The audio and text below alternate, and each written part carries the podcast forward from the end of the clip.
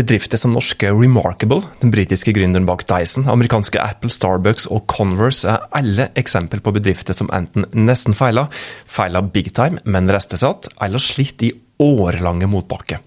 Felles for alle er at de greide å snu vindretninger fra motvind til medvind, og hvorfor skulle ikke du greie å gjøre akkurat det samme? Dagens episode er tenkt som ei litt ord inspirasjonsepisode, spesielt til det som er en gründer, startup, som føler at det ikke har løsna helt.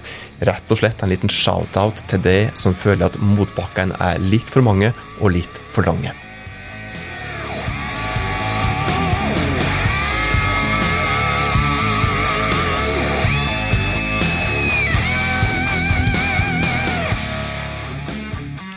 Hjertelig velkommen til podkasten Hauspodden. Dette her er podkasten fra oss i Haus, også her for å hjelpe deg med å nå de målene som dere jobber for i den virksomheten som du jobber i.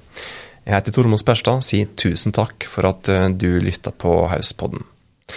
Må først eh, rette en liten takk til vedkommende som setter meg på ideen til denne episoden, garantert uten å vite det, for bakgrunnen var en eier av ei lita bedrift som stakk innom kontoret her en dag. Egentlig bare for å hente noe markedsmateriell, men som oss eh, tok en liten prat med, og som i løpet av praten ga uttrykk for at eh, ja, vedkommende syntes at det gjerne kunne begynne å løsne litt omsetningsmessig. Dette er en bedrift som har vært aktiv i kun et par års tid, og som kunne ha solgt gjennom nettbutikken tre-fire måneder, eh, men som synes at det gjerne kunne bli litt mer fart på omsetninga snart. da. Med andre ord, en startup som nok fremdeles ikke har opplevd den største motgangen enda, og som derfor ikke er et eksempel på ei bedrift som har feila. Langt derifra. Men uh, samtalen ga oss uansett inspirasjon til denne episoden her, da. Så jeg skal rett og slett eh, nevne eksempel på noen bedrifter som har jobba seg gjennom eh, ganske mange motbakker, faktisk. Lange og harde motbakker, men som har greid å ikke bare holde hodet over vann, men som virkelig har løfta seg og blitt til store suksess.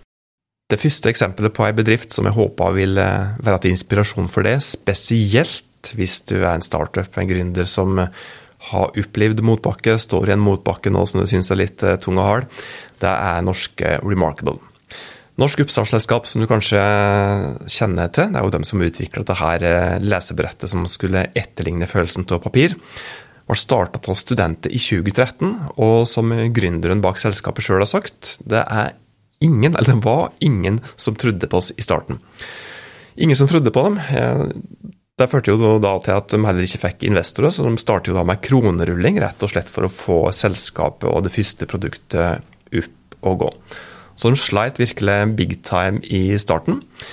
Men så greide de å snu motvind til medvind etter hvert, og de har hatt flere gode år. Men i fjor, 2023, så hadde de da rekordår. Rekordbra resultat. Og det etter ganske mange og lange mot motbakke. Det var ingen som hadde trua på dem, eh, som nevnt. Eh, og verken da investorer og heller ikke produktanmelderen. Jeg husker etter at de lanserte første versjon av nettbrettet sitt i, i 2017, en eh, anmeldelse på tech.no der vedkommende som anmeldte produktet, ikke hadde spesielt stor tro på, på Remarkable. Men de greide da etter hvert å snu, som sagt, motvind til medvind. Det er ikke nødvendigvis slik at de eh, har opplevd eh, bare gode tider i det i siste året. Eh, for ikke så lenge siden så var det et intervju med, med gründer og styreleder Magnus Vanberg i, i DN, og han innrømmer det at det har vært tøft for dem. Virkelig. Og når det har butta litt ekstra, så har han jo da tatt noen grep som òg jeg tenker kan være litt til inspirasjon for, for, for andre.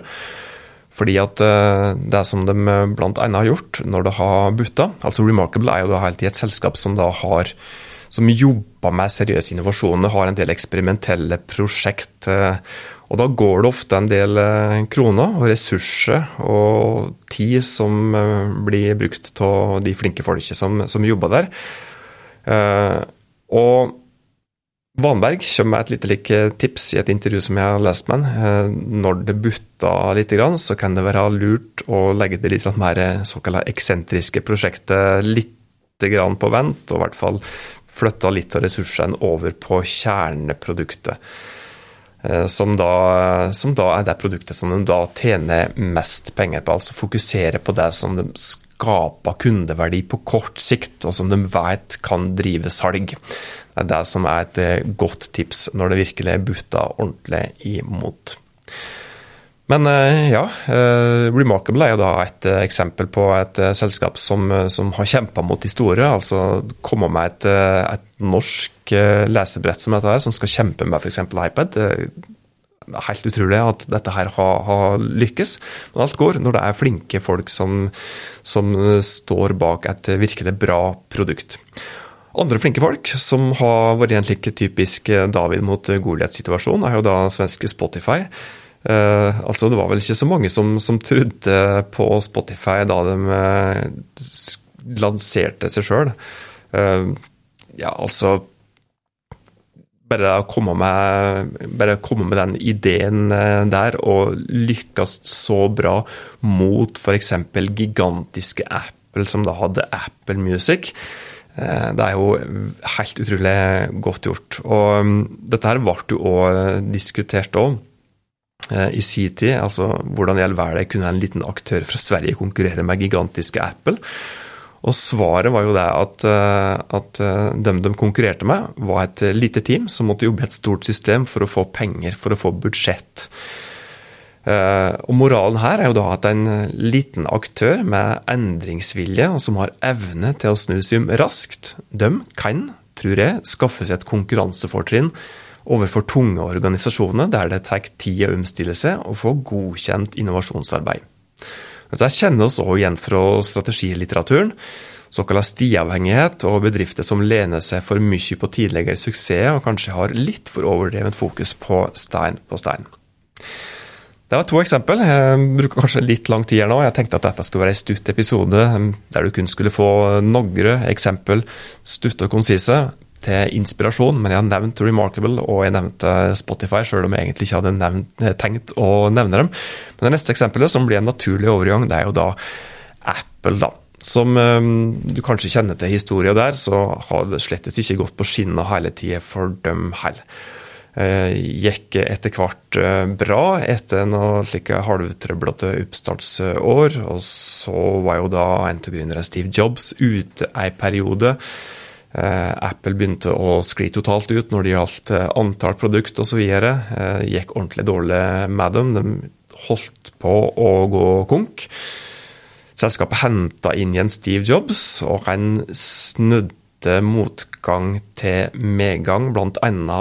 ved å ta de samme grepet som Remarkable gjorde når de har motgang, nemlig å fokusere på færrest mulig produkt som skaper størst mulig kundeverdi. Så det første Steve Jobs gjorde, var å fjerne x antall Mac-modeller og fokusere bare på én eller to modeller. Så det var Apple. Eh, et annet eksempel som du kanskje kjenner til i det daglige hvis du bruker støvsuger, det er gründeren bak Dyson, som heter James Dyson. Han feila utrolig mange ganger med utrolig mange innovasjoner før han lykkes med støvsugeren sin. Da han var 40, ja, litt opp i 40-året, så hadde han eh, fremdeles godt gått over 10 millioner norske kroner i gjeld. Og dette her er da Nå tenker jeg på kroneverdien for ca. 30 år siden, så for James Dyson har han gått opp i, i 70-året. Eh, men han òg, etter hvert, så greide han å snu motvind til medvind. Men det gikk utrolig mange år. Men når det først løsna, så løsna det ordentlig. Så litt inspirasjon til det der òg, som kanskje har følt at det har stanga i altfor eh, lang tid. Starbucks eh, er jo faktisk òg et eksempel som oss eh, kanskje har lett for å tenke på at er et selskap som hele tida har lykkes med det som de gjør, men det er så absolutt ikke. De de hadde ei ordentlig dårlig periode slik på midten av ja, 2000-tallet, rundt 2008-2009. Eh, da de faktisk eh, De var jo, de var jo på børsen. Så det som skjedde i, i 2008, var at det gikk såpass dårlig med dem. Eh, noe som også gjenspeila seg i aksjekursen. Ramla med over 40 bl.a. pga. knallhard konkurranse som kanskje ikke hadde jobba aktivt nok mot for å møte. dem. hadde kanskje ja, hatt denne her klassiske stienheten sin hadde tenkt at nei, oss er jo best i verden uansett, det er ingen som kan seile opp på sida til oss. Men så kom det etter hvert ganske mange konkurrenter da, som, som, da leverte kanskje minst like god kaffe som Starbucks. Som gjorde at de måtte rett og slett ta en snuoperasjon. Og Det var akkurat det som de gjorde. De fokuserte eller gjenintroduserte sylskarpt fokus på kvalitetskaffe. Så de sendte vel omtrent hele baristagjengen sin på, på nye kurs for å virkelig kunne levere et enda bedre kjerneprodukt. Så Det var enda et eksempel på et stort selskap som har snudd eh, motvind til medvind.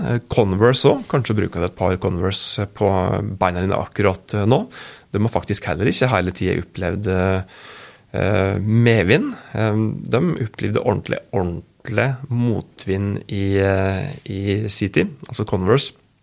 Selskapet som leverer de legendariske skoene, eller selskapet som leverte de legendariske skoene, fordi at Converse er ikke et frittstående selskap lenger nå, er det vel, tror jeg. Det ble jo etter hvert oppkjøpt av Nike, altså konkurrenten til Converse, og det var faktisk det som ble redninga òg Eh, når Converse sleit eh, som eh, verst. Så i stedet for at Nike bare kjøpte Converse og bare fjerna dem fra markedet, så reindyrka faktisk Nike som ny eier til selskapet. Reindyrka Converse som, som merkevare, faktisk. Noe som de da lykkes med så absolutt, da. Så der har du da enda et eksempel på et selskap som har snudd motvind til medvind. Og jeg håper at uh, de eksemplene her, ikke minst det mest nærliggende, som da er norsk Remarkable, og et ganske så ferskt eksempel, kan inspirere det, og som sagt da spesielt det som er enten en gründer, deleier eller leger i et selskap som, som opplever ja, motvind med, med ujevne eller jevne mellomrom. Dagens episode av Hauspodden er over. Hvis du ble inspirert og tror at dette kan inspirere enda flere, så blir vi glade hvis du tipser andre om Hauspodden. Inntil oss høres neste gang, ta godt vare på det og dine.